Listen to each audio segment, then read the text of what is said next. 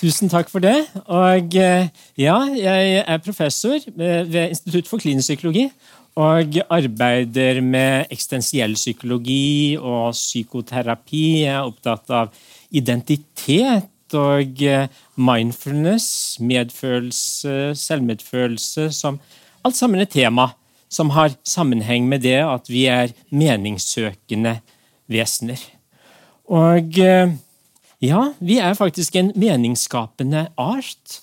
Hvis vi gjør en lett sammenligning med andre arter ja, eksempel, Hvis du har en katt, eh, så kan den skape litt mening. på sett og vis. Selv hvis du har en kattunge, så ser du det at eh, du kan la hånden krype forover sånn, og den leker at dette her er en mus eller et eller annet.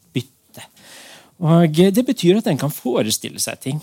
Og etter hvert blir den eh, vokser til, så blir den litt engstelig, og du ser at den engster seg for hva som kan være rundt et hjørne. og Det betyr jo at den, den har forestilt seg at det kan være noe der. ikke sant? Så, så andre arter har noe av dette her òg, og særlig de artene vi liker å omgås, sånn som katter og hunder og, og den slags. Salamandere har ikke så veldig mye ut av det. Kanskje derfor ikke et veldig hyppig kjæledyr. Eh, når vi kommer til vår art eh, Hvis du ikke bare leker med en katt, men hvis du leker med et barn, så ser du at den krypende hånden kan bety veldig mye forskjellige ting. Altså Det åpnet seg opp et meningsrom. Det er dette her, ja Selvfølgelig kan du leke at du er katt og at dette er mus, men det kan være veldig mye annet. Det kan være en snikende fiende, eller det kan være en robot, eller det kan være en space invader. Sånn at du, du har åpnet opp noe mye mer der. Og sånn er det vi fungerer. Vi kan forestille oss ting som ikke er her, og det hjelper oss å forstå det som er her. Og Noe av det vi da har benyttet opp gjennom årtusener, det er kunst, som vi ser noen tidlige eksempler på her. Her er 30 000 år gammel kunst. Og eh, det er da mennesker som har sett verden rundt seg og funnet måter å lage bilder av den. Og det, det vi ser i veldig gammel kunst, det er at det er bilder av natur, en prøver å gi mening til naturen rundt seg, for den lever man veldig tett på. Og eh, du har elementer av noe åndelig i flere av disse hulemaleriene. Og vi kan ofte se hender òg. Det er kanskje noe som handler om identitet, og kanskje til og med noe 'Hvem er jeg?' i en litt større sammenheng her. Og en, Et annet trekk ved oss er at vi er en ultrasosial art. Vi er ultrasosiale barn av omsorgsgivere. Altså Ingen av oss hadde vært her uten omsorgsgivere. Mennesker har en usedvanlig lang barndom og ungdomstid. Og er avhengig av voksne mye lengre enn andre arter er. Så eh, barndom, ungdomstid Ja, du lever jo sammen med foreldrene dine til du er 18-19-20. Ja, lenger enn det også. Og eh, vi fortsetter å være avhengig av andre livet igjennom òg. Vi lever på en måte der vi har medfølelse for hverandre. Vi er den medfølende arten. Det var jo det også sa, fikk, som fikk Stephen Hawking på sine eldre dager til å si at vi skal være varsom med å sende signaler ut i verdensrommet, for vi vet ikke om de som får signalene, har medfølelse. For det er faktisk et artskjennetegn. Det er noe med at eh, når jeg står her og foreleser, hvis jeg skulle falle om, så er jeg veldig sikker på at noen ville ile til for å hjelpe meg. Jeg skal, jeg skal ikke stressteste det. Men eh, det er en sånn trygghet. Eh, og den tryggheten har vi, og, og det er jo det som òg gjør at vi fungerer sånn som vi gjør. Og selvfølgelig det som gjør kontrasten så NIFs krigssituasjonen. Så vi er en art som har kapasitet til å ha medfølelse med individer vi ikke er nært i slekt med i det hele tatt. Faktisk så kan, ha, kan det være 50 000 år siden sist felles slektning, og vi kan ha medfølelse. Og For å ta andre vesener som er helt ok, altså sauer f.eks., så er det sånn de har medfølelsen for lammene sine. Men de adopterer ikke. For eksempel, så, så det, det, å begynne å ta seg av andres lam det er ikke aktuelt for dem. Eh, og Hvis dere hadde vært en gjeng sauer, og jeg hadde falt om her, så hadde dere mer tenkt ok, da var han ute. Så det, det er deres måte å fungere på. Så vi er medfølgearten, og vi er en ultrasosiale. Altså, hvis dere nå hadde vært en gjeng sjimpanser, f.eks., eh, så hadde dere vært all over the place for lengst. Eh, og antageligvis hadde allerede noen blitt skadet, også, for det hadde blitt knuffing av dette her. Så det å sitte på denne måten her finner ikke andre arter som gjør det på den måten. Eh, og det er også slik at Vi kan ha glede av altså nå tror jeg ikke, Det er ikke sikkert jeg kommer til det nivået i forelesningen, men det å ta bølgen, f.eks., det, det er det ingen andre som holder på med.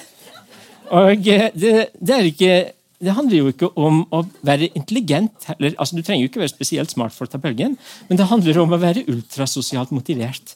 Så vi har glede av sånne ting, og synge sammen. og ja, Noen har glede av å marsjere i takt, og jeg er ikke helt der. Men folk har, har gleder av synkroniserte aktiviteter.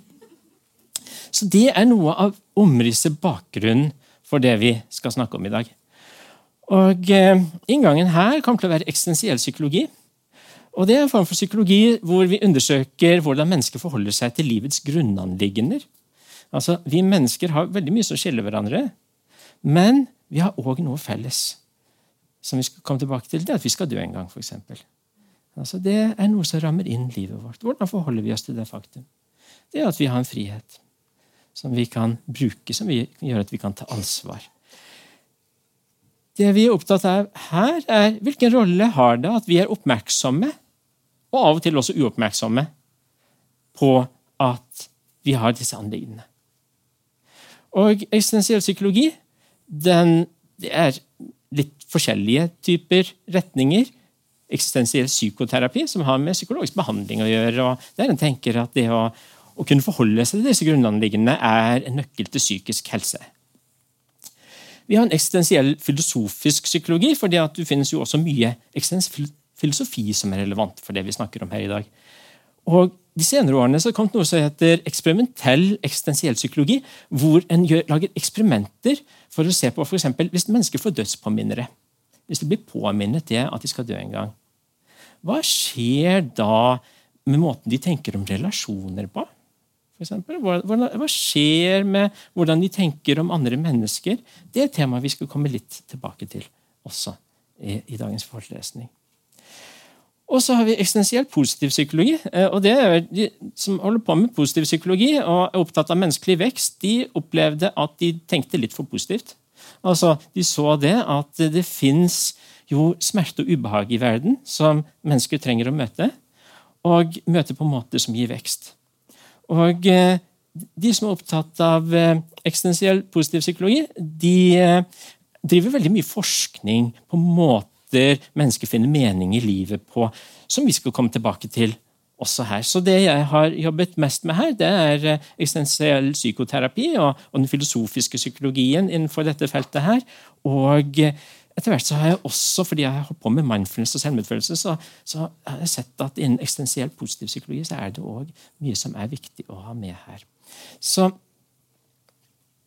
før vi går videre, så tenkte jeg at vi kan se på litt på hva eksistensielle grunnanliggender er for noe. Og eh, dette her er én måte å sortere det på, som er vanlig innenfor eksistensiell psykologi, og det er at ja, døden er der. Eh, og eh, den gjør oss oppmerksom på at vi har begrenset med muligheter. Ikke sant? Eh, vi har den gamle filmen Fame. Der eh, det er noen unge mennesker som synger 'Fame, I'm going to live forever.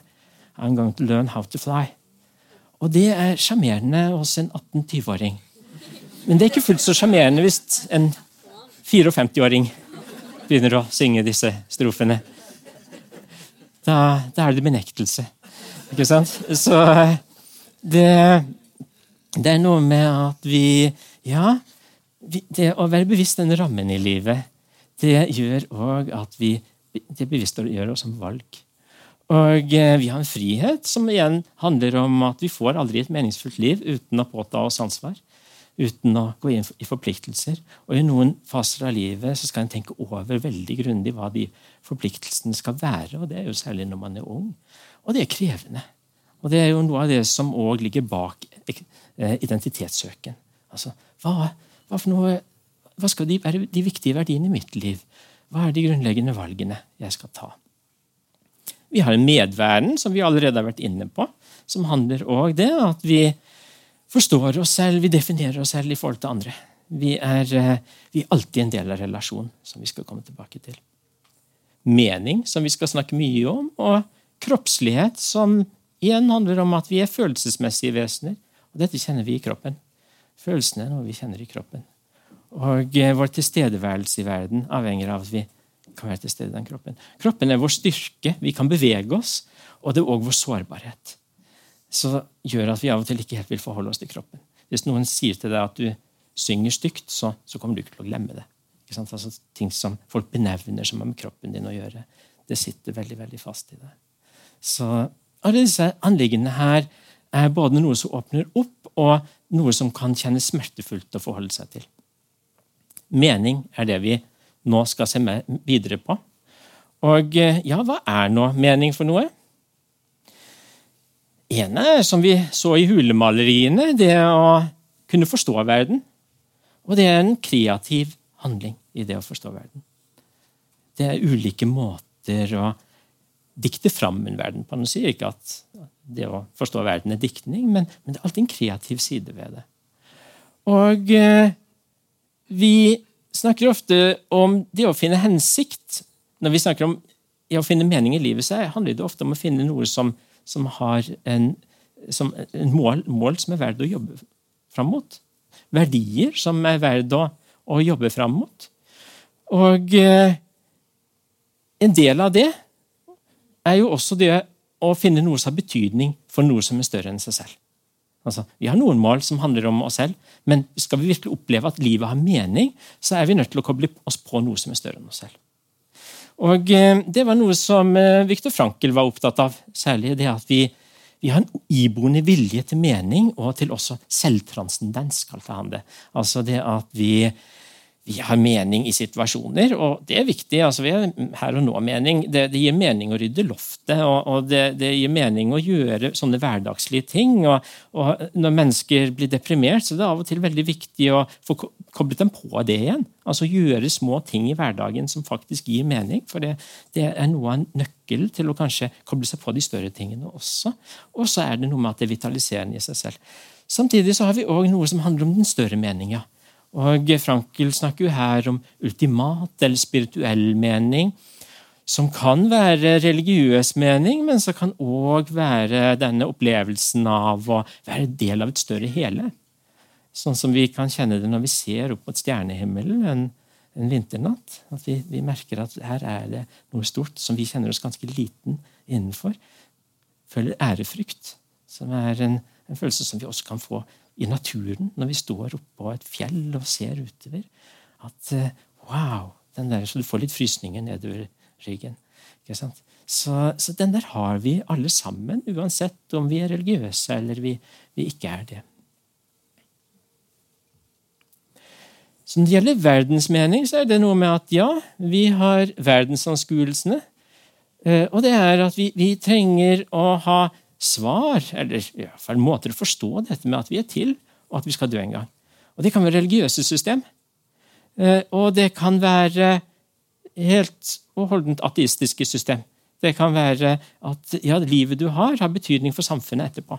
Ikke sant? Sånn som en vil tenke i mer sekulære system. Du, du setter spor gjennom barna dine eller innsatser du gjør for andre. Og i religiøse sammenhenger så vil det være spor som du har med deg inn i livet etterpå, eller i et nytt liv. Her er det et stort mangfold, men alle av de handler om å gi forklaring. Og gjøre verden og vår plass innenfor denne forståelig. Og dette trenger vi. Dette er noe vi er helt, helt avhengig av. Og eh, det er noe som sier samhold og fellesskap. Det å ha noen grunnleggende felles moralnormer er noe av det som gjør at vi også føler at vi henger sammen. Og eh, Det er òg noe av det som skaper fremmedskepsis, er hvis man er usikker på moralnormene. Altså, Er dette mennesker som kommer til å opptre på måter som, som jeg klarer å håndtere? Eh, er de snille? Så, så det, det, gjelder jo å få ned den der og se hva, hva en faktisk har felles. Gir emosjonell trygghet og eh, gir den enkelte mening, gir hensikt og betydning, gir veier til selvfølelse. Verdensanskuelsene våre. Akkurat nå så har vi noen verdensanskuelser som er litt kranglete for folk. fordi at eh, veldig mye handler om at du får verdi gjennom å være flink. Vi har en perfeksjonismepandemi gående her i tillegg. Det er en verdensanskuelse. At du er hva du produserer og gjør. Så vi skal hele tiden òg være klar over at vi har verdensanskuelser, ofte uten at vi tenker over dem, og at vi trenger å bli bevisst og av og til være kritisk til dem. Den ser at verdensanskuelser demper dødsangst ved å gi symbolsk udødelighet. Det er det en har sett på i Terror Management Theory. Det er en har sett på, Hvis man gir mennesker dødspåminnere, hva skjer med de da? Etterpå? Jo, blir mer bundet til seg verdensbildet. Altså det jeg tror på. Eh, og eh, akkurat nå så, sant, så, er vi i en situasjon der vi, vi har hatt en stor dødspåminner i pandemien. Uansett om en er i risikogruppe eller ikke, så er det vært død det vært snakk om. En kan ikke ha klart til å være å tenke på at en skal dø en gang når, når dette her har, har skjedd. Og så har vi jo denne, denne krigssituasjonen i Ukraina akkurat nå, som, som er dødspåminnere. Og hva sier Terror Management Theory skal skje når vi får dødspåminnere? Hva skjer med vårt forhold til verdensanskuelser? Jo, vi blir mer sikkert troende. Vi blir mer sikkert troende, og vi har en større risiko for å bli fanatiske ved dødspåminnere. Så, og vi har en større risiko for å begynne å tenke i oss og de andre og demonisere motparten. Så dette er skumle ting. Og dette skrev en altså lenge før både pandemi og, og, og, og krig i Europa. Eh, og, eh, ja, og vi ser jo at, eh, at, at, noe av dette her skjer akkurat nå. Og Verdensanskuelsene gir oss eh, fortellinger om hvordan verden henger sammen. Så vi lager historier. og klart En historie som har vært bindende i, i Europa eh, veldig mange år, har jo vært den bibelske historien. Likeledes som islam, islam har sin historiefortelling, og jødedommen har sin. Så, så den levde i, gjennom de fortellingene veldig mye. Og det, det er jo virkelig fortellinger òg. Jo, i begynnelsen så var det sånn. Og så, ja, så skjedde det og det videre. Og så forstår en seg selv innenfor dette her. Og til og med marxismen handler jo om historiefortelling. Altså, eh, så det, det, det, denne narrative formen er noe av det vi, vi, forstår verden gjennom. Og vi har de små fortellingene som hjelper oss å forstå hverandre og, og ikke minst oss selv. Selvfortellingen gir identitet til oss. Hvem, hvem er jeg? Hvis du møter en eh, person på jeg skal sitte en stund sammen, og dere blir litt nærmere kjent. Ja, hvem er du? Ja, Da blir det ofte en fortelling ut av det. Og, så vi har en historie gående om hvem vi har vært, og ikke minst hvor vi er på vei. Og eh, bidrar til at vi kjenner sammenheng. Når jeg har jobbet med psykoterapi, så jeg vet jeg mennesker som har veldig fastlåste fortellinger. Sånn er jeg. Jeg, jeg er den stygge venninnen. Ja, det er meg et nøtteskall. Sånn er mitt liv. Ikke sant? Ja. Og da er jo min holdning OK, få høre. Og signalisere. Og, og, det bor mer i deg. Ikke sant? Det er andre fortellinger her òg. Andre mulige fortellinger her. Altså, det er noe av det vi jobber med når vi utvikler identiteten vår. Av det så låser vi oss fast. Jeg er, bare, jeg er den tøffe. Jeg er den sterke. Ja. Og det bor mer i det.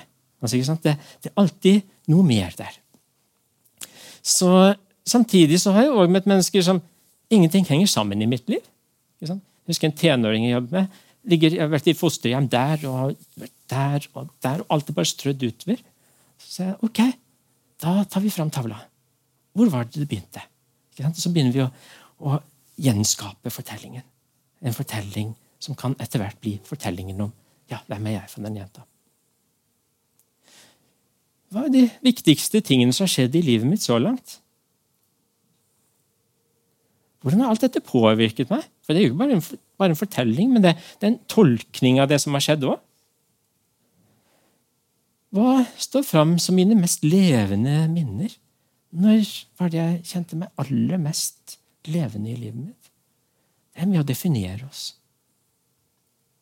Hvilken framtid er jeg på vei mot? Sterkt. Veldig, veldig sterkt.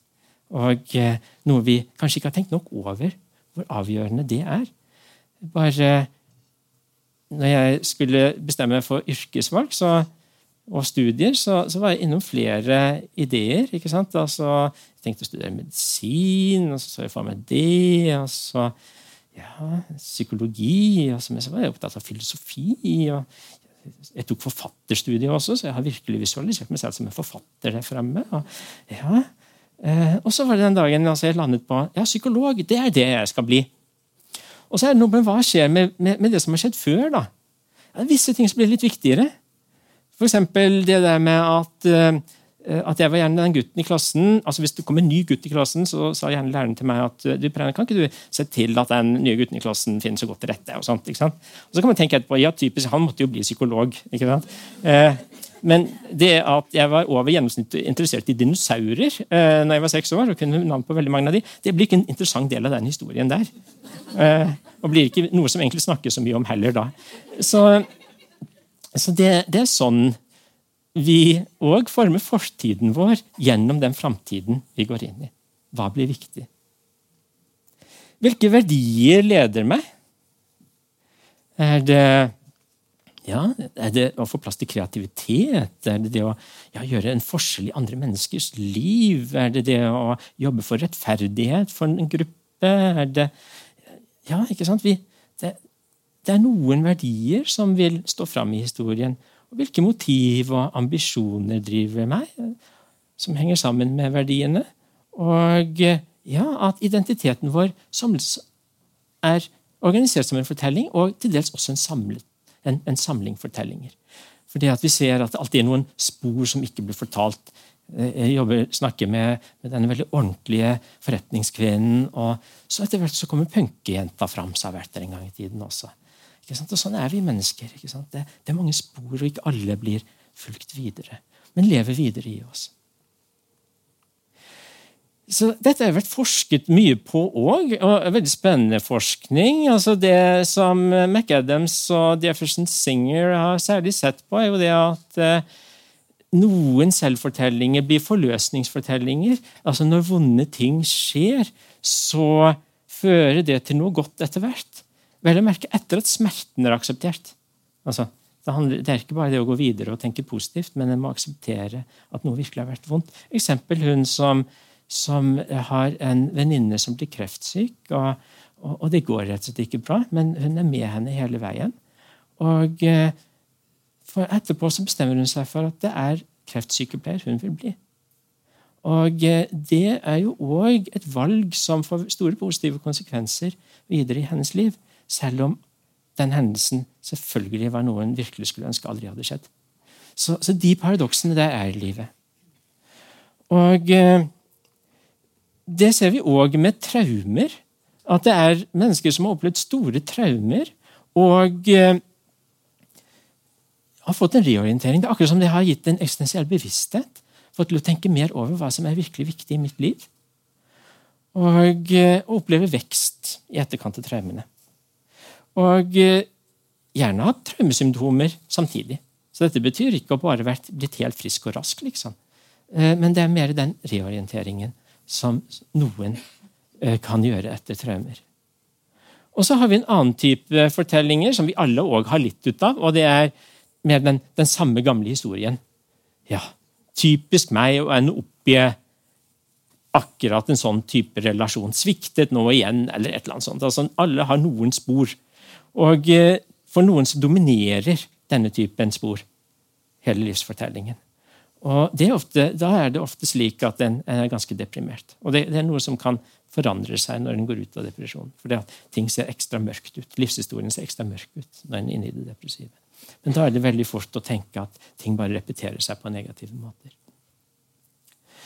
Så, så dette her er noe, noe av, av grunntrekkene ved hvordan vi skaper mening. Og så tenker jeg Vi skal se litt på hvilken betydning har det da. Jeg har antydet litt på det òg. Og det å oppleve mening og hensikt for, for syke og for, for kropp. Og eh, noe en ser, er at det å oppleve mening og hensikt gir bedre psykisk helse og, og livsglede. Og eh, noe litt morsomt eh, som en så i en studie der, er at eh, eh hos unge så kan det også helt sånn finansielle livsmål. Eh, og det å oppnå beundring, det kan gi mening. men bare inntil videre.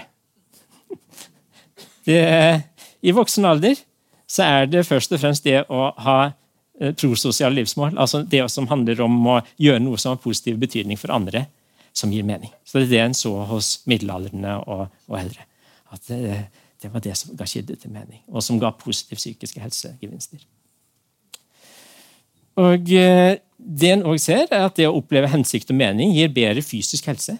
Altså Det virker på kroppen direkte og gjør at du også lever lenger. En ser at uh, mennesker som opplever mening, har, har lengre liv.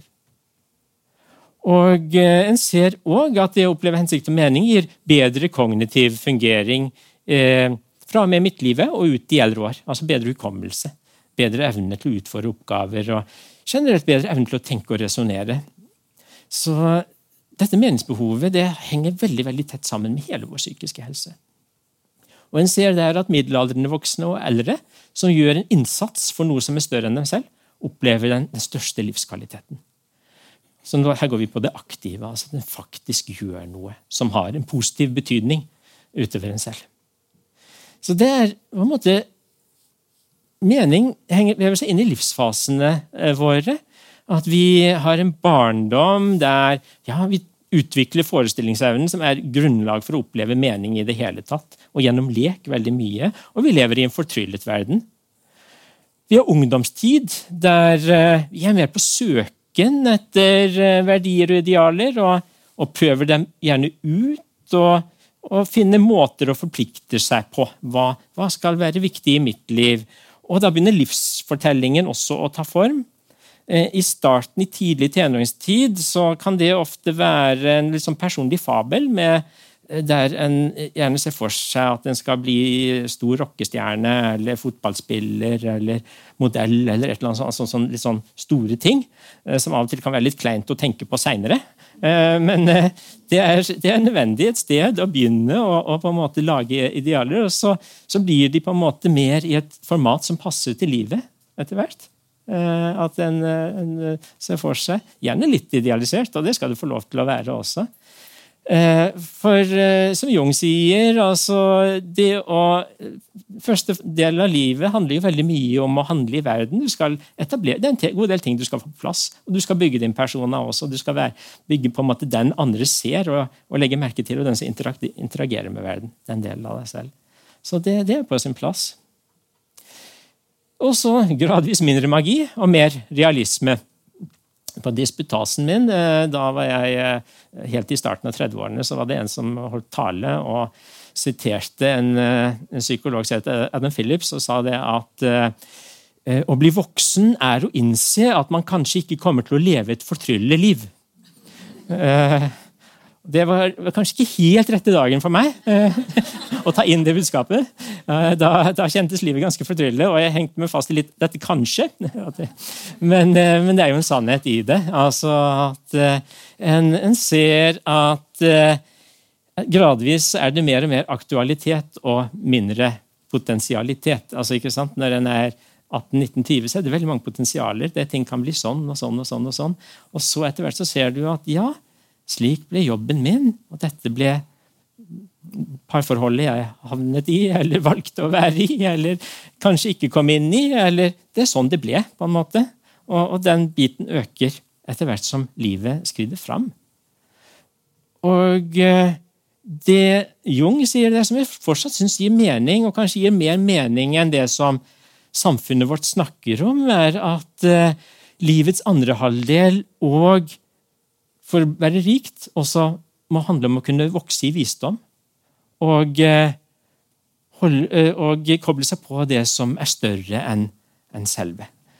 Og eh, dette viser jo seg i voksne år gjennom generativitet, altså gjøre noe for kommende generasjoner, som kan være egne barn, men kan òg være en innsats på, på andre felt som må, må, være med deg for at du skal oppleve livet meningsfullt. Og, og etter hvert også, eh, nå snakker vi om, om virkelig eldre år, å kunne gi slipp på en del av den en har vært. Eh, og, så, og, igjen, som handler om å koble seg på noe større. Eh, og som kan være samfunnet rundt, eller kan være, være en spirituell side ved livet. Så Det vi er inne på her òg nå, er jo at lidelse er ikke valgfritt i livet. Det er obligatorisk. Det, det er noe som, som, er der. Vi, vi kommer til å lide tap. Vi kommer til å bli skuffet. Vi kommer til å kjenne oss skamfulle. Vi kommer til å bli skremte. Det, det er en del av, av det å være menneske. Og eh, faktisk så er mange situasjoner litt sånn blandede. Altså, eh, noe, jeg var veldig glad for å bli ferdig psykolog, altså komme til slutten av, av studiet.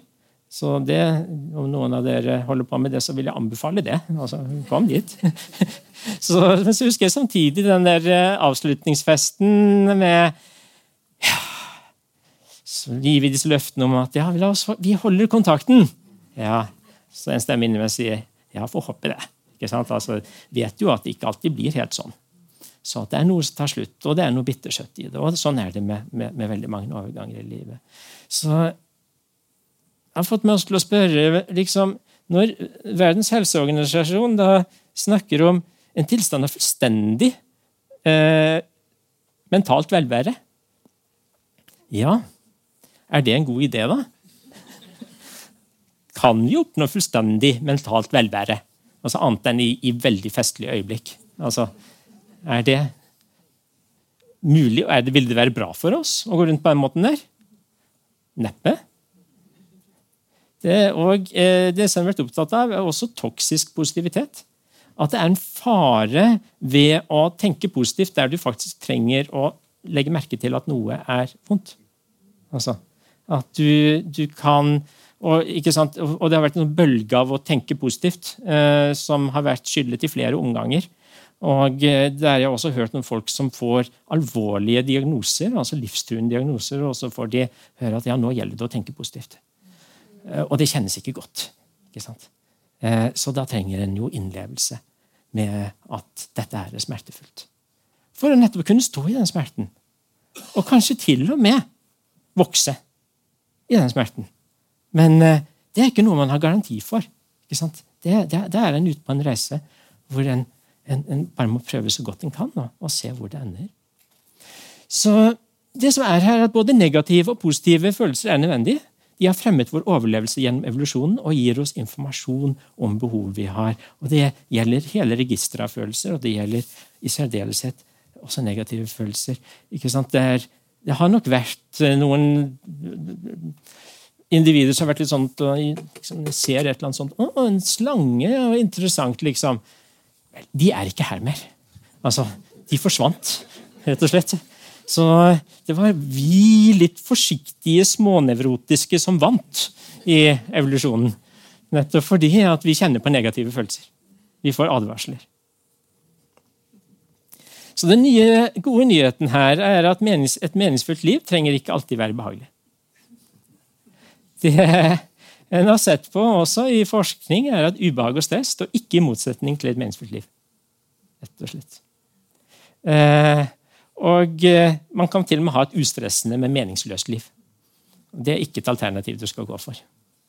Så gå for et til tider ubehagelig og meningsfullt liv. Og det handler noe om at å engasjere seg er alltid noe som òg gir en risiko. Du blir glad i noen. Og ja, da har du fått noen flere å bekymre deg for hvordan det går med. Det er sånn det er. For du vet at tap er en, en side ved livet. Så, sånn er det med, med alle engasjement vi går inn i. Men det er verdt det. Og som vi har sett, det er veldig sånn myter om at hvor, altså stress, langvarig kronisk stress er selvfølgelig ikke bra for kroppen. Men eh, vi trenger noe stress innimellom eh, for å styrkes. For å bygge robusthet. Så noe stress er bra. Og særlig det stresset som har med å være engasjert i meningsfulle ting, er bra. Og eh, da er jo Det også sånn at det vi ser ut fra forskningen, er jo nettopp at du lever jo lenger når du holder på med meningsfulle ting som er stressende. Ja, Frankel kalte dette for tragisk optimisme. At en kan finne mening og samtidig erkjenne livets uunngåelige tragiske sider. Og, og Frankel visste jo virkelig hva han snakket om, for han, han levde jo i en konsentrasjonsleir i flere år. Og så på hvordan var det en, en klarte å finne mening der. Og eh, Der var det òg veldig mye de små tingene som han beskrev. Å kunne legge merke til at vi fikk brød i dag. Altså, Vi er på det nivået. ikke sant? Og kjenne takknemlighet for det. Og legge merke til at det begynner å bli grønt på bladene utenfor hjernene. Disse, disse små tingene som han beskriver, som, som han også ser på var en forskjell mellom liv og død. Så, så, så sterk betydning har mening. Og jeg har vært opptatt òg at vi kanskje, og flere med meg, men at vi, vi kanskje trenger en mer sånn eksistensiell forståelse av, hel, av, helse. Og at det handler om å kunne være til stede i eget liv med både glede og smerte. Og, og det å og da finne hensikt. Og for å kunne forholde seg til nettopp det sammensatte i oss selv og i verden. At vi, at vi både kan ha smerte og finne mening, f.eks. Uh, og, og, det er mange andre paradokser der vi skal leve med. Og at kanskje de vi er aller mest glad i, kan av og til bli de vi er aller mest sint på. Sånn så sammensatte er vi mennesker. Og det skal vi stå opp i. Uh, og, og, det er krevende. Og uh, for jeg tenker også, altså, Eksistensiell helse her for Jeg møter jo mennesker som faktisk sånn fysisk sett er, er ganske syke. Altså som, som, har diagnoser som jeg definitivt ikke hadde hatt lyst på. som jeg likevel opplever som veldig sunne. Fordi de har en tilstedeværelse i, i, livet sitt. De er koblet på. De har gjerne en dødsbevissthet som også kan gjøre at de kan, for, kan, styrke tilstedeværelsen også. Så, så, dette her med helse er komplekst. Og Noe av det vi er inne på her òg, det er jo dette er jo gamle begreper fra Aristoteles, men som også blir brukt i en god del forskning i dag. altså Det som handler om eudaimoni, som jo handler om å leve et rikt liv i tråd med verdier og potensial. Å være involvert og engasjert. Som gjerne blir satt opp mot hedoni, altså det å kjenne lyst og behag. Og Noe av grunnen til at man er blitt opptatt av det skillet, er det jeg snakket om i sted, at en kan ha mening uten å kjenne veldig mye lyst akkurat der og da. Altså, det, det, det, kan være ganske ulystbetonte aktiviteter som også gir mening. Uh, og det kan igjen være ting som vi kjenner veldig behagelig, som faktisk er komplett meningsløse. Uh, og For å ta ett eksempel her, så er jo det den hedonistiske tredemøllen vi alle kommer inn på lett ved forbruk, som er rett og slett litt sånn at jeg kjøpte meg en ny iPad. Og så Ta den inn i huset, og så den deilige Apple-lukten av produktet. og liksom pakke opp og hele greia der. ikke sant? Det er veldig kult. Og så, og så, ligger den der. Og så får jeg lyst på en ny elsykkel. Hva har skjedd nå? Et kicket akkurat der og da. Og, som gjør at du blir stimulert til mer. Så her er det noe med at det finnes ulike typer av gleder. Og Det er gevinst-belønningstype gleder, som er type forbruksgleder, men så også likene dine på, på sosiale medier. Eh, som eh, kan få et kick av akkurat der og da, men som bare gir deg lyst på mer gjør deg rastløs.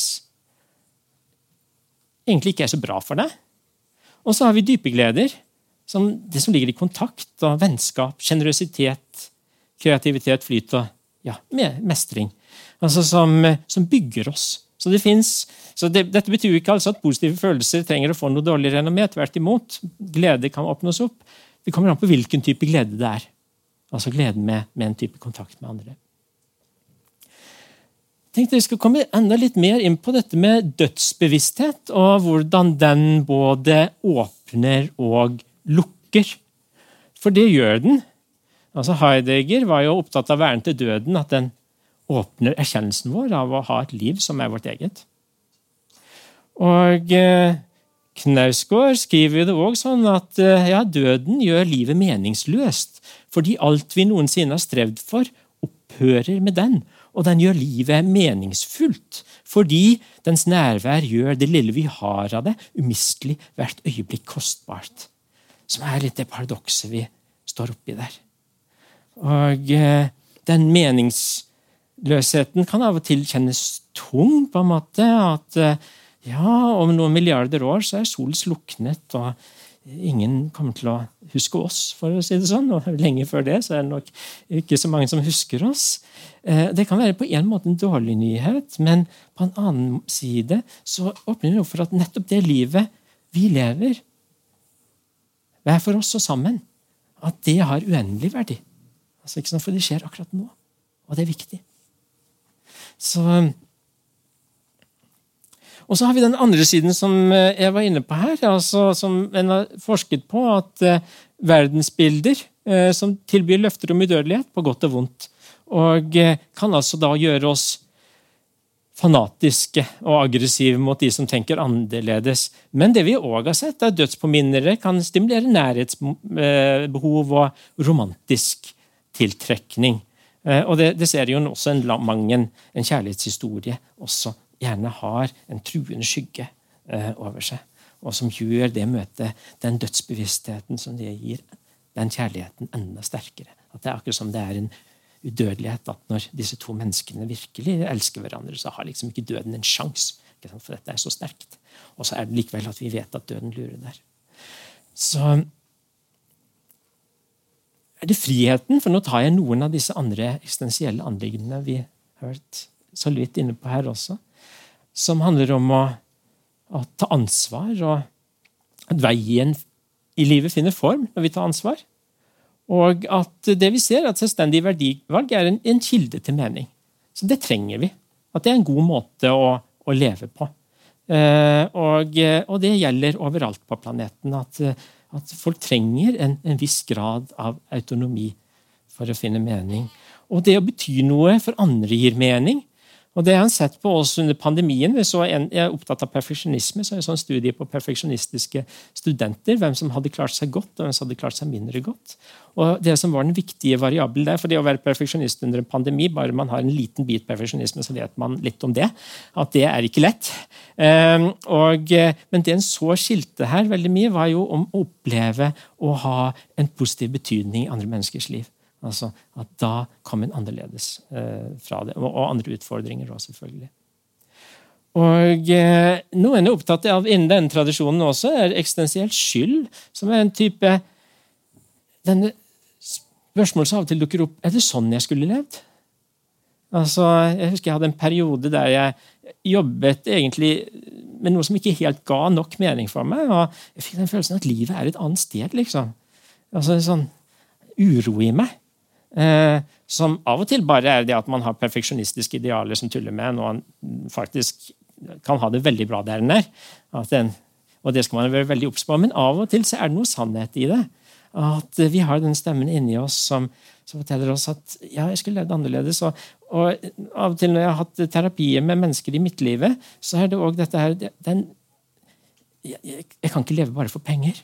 Altså, det gir ikke nok mening i mitt liv. Eh, og jeg ser, jeg har også møtt av mennesker som gjør noen skift. For det, de trenger å, å leve etter andre verdier. Medværen og alenighet, som jo handler om at vi blir til og er den vi er når vi er sammen med andre. Altså, når jeg bare gikk bortover her i dag, så ble jeg foreleseren. Hvordan skjedde det? Jo, jeg forestilte meg publikum. Og eh, akkurat eh, i dag så forestilte jeg meg en sånn interessert publikum som, som, nikket innimellom og fulgte godt med. og alt mulig sånt. Da hadde jeg det i grunnen ganske greit. Og Da kjente jeg meg som forleseren. Og så eh, husker jeg En annen gang da jeg skulle disputere, for eksempel, da var det en stemme inni meg som sa har du tenkt på at dette kan gå helt galt. Ja, jeg har faktisk tenkt på det. Og kjente veldig på et sånn strengt publikum. Så, så, vi blir den vi er, på en måte ikke bare mellom de vi, de vi møter, men, men, også de vi forestiller oss. Og sånn er det vi mennesker er laget. Altså, Identiteten vår er, er laget på den måten der. Så, og samtidig som vi kan være nær, og det er kjempefint, så er det alltid en del av oss som er alene òg. Og eh, det er noe ved din opplevelse som andre når aldri helt fram til. Og, og det kan være smertefullt å forholde seg til. Og det kan være godt å forholde seg til. Altså, det er den dobbeltheten i dette her, som ligger i, i disse anliggendene våre. så Derfor er det også at kontakt er helt nødvendig for den psykiske helsen vår. Eh, og det gjelder også overfladisk kontakt, altså det å bare hilse på noen. Gjør noe med hvordan vi opplever hverdagen, samtidig som langvarige relasjoner gir, gir mening. Og også noe som ikke vi tenker så mye på, for vi, vi lever veldig i hodet i vår kultur, men det er at eh, fysisk aktivitet sammen løfter oss opp. Altså, alle kulturer har dans og ritualer som, som, også handler om å gjøre ting fysisk sammen. Som, som gir en type meningserfaring. Og omvendt, isolasjon er livsfarlig for oss. Eh, ut fra forskningen, oppsummeringene på det, så er det like farlig som å, å røyke. Så er det et siste moment jeg tenkte å eh, komme litt inn på, og det med kropp og økologisk vern. Og eh, det er jo det at ja, vi er et stykke natur. Altså vi, vi er eh, ja, vi er flere milliarder år gamle, sak hele gjengen. Fordi vi, vi, har med oss rester av universets opprinnelse i, i atomene våre. Eh, men mer enn det. ikke sant? Vi er avhengig av bakteriene rundt oss. Vi er eh, avhengig av sol og lys. Vi, er virkelig innvevd i naturen i en grad som vi ikke tenker nok over. Og, eh, og kroppen er der følelsene skjer. Så vi kjenner tristhet gjerne i, i her, kanskje. Litt sånn, litt individuelt.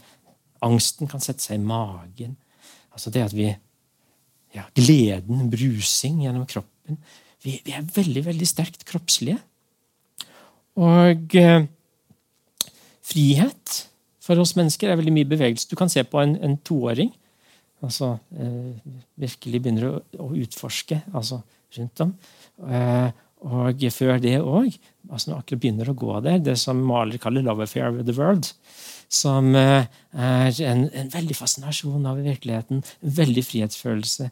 Og, og det er med oss videre òg. Uh, vi bruker jo metaforen om å være i bevegelse. Jeg kjenner meg låst fast. Det er, det, er, en kroppslig side ved vår frihetsfølelse.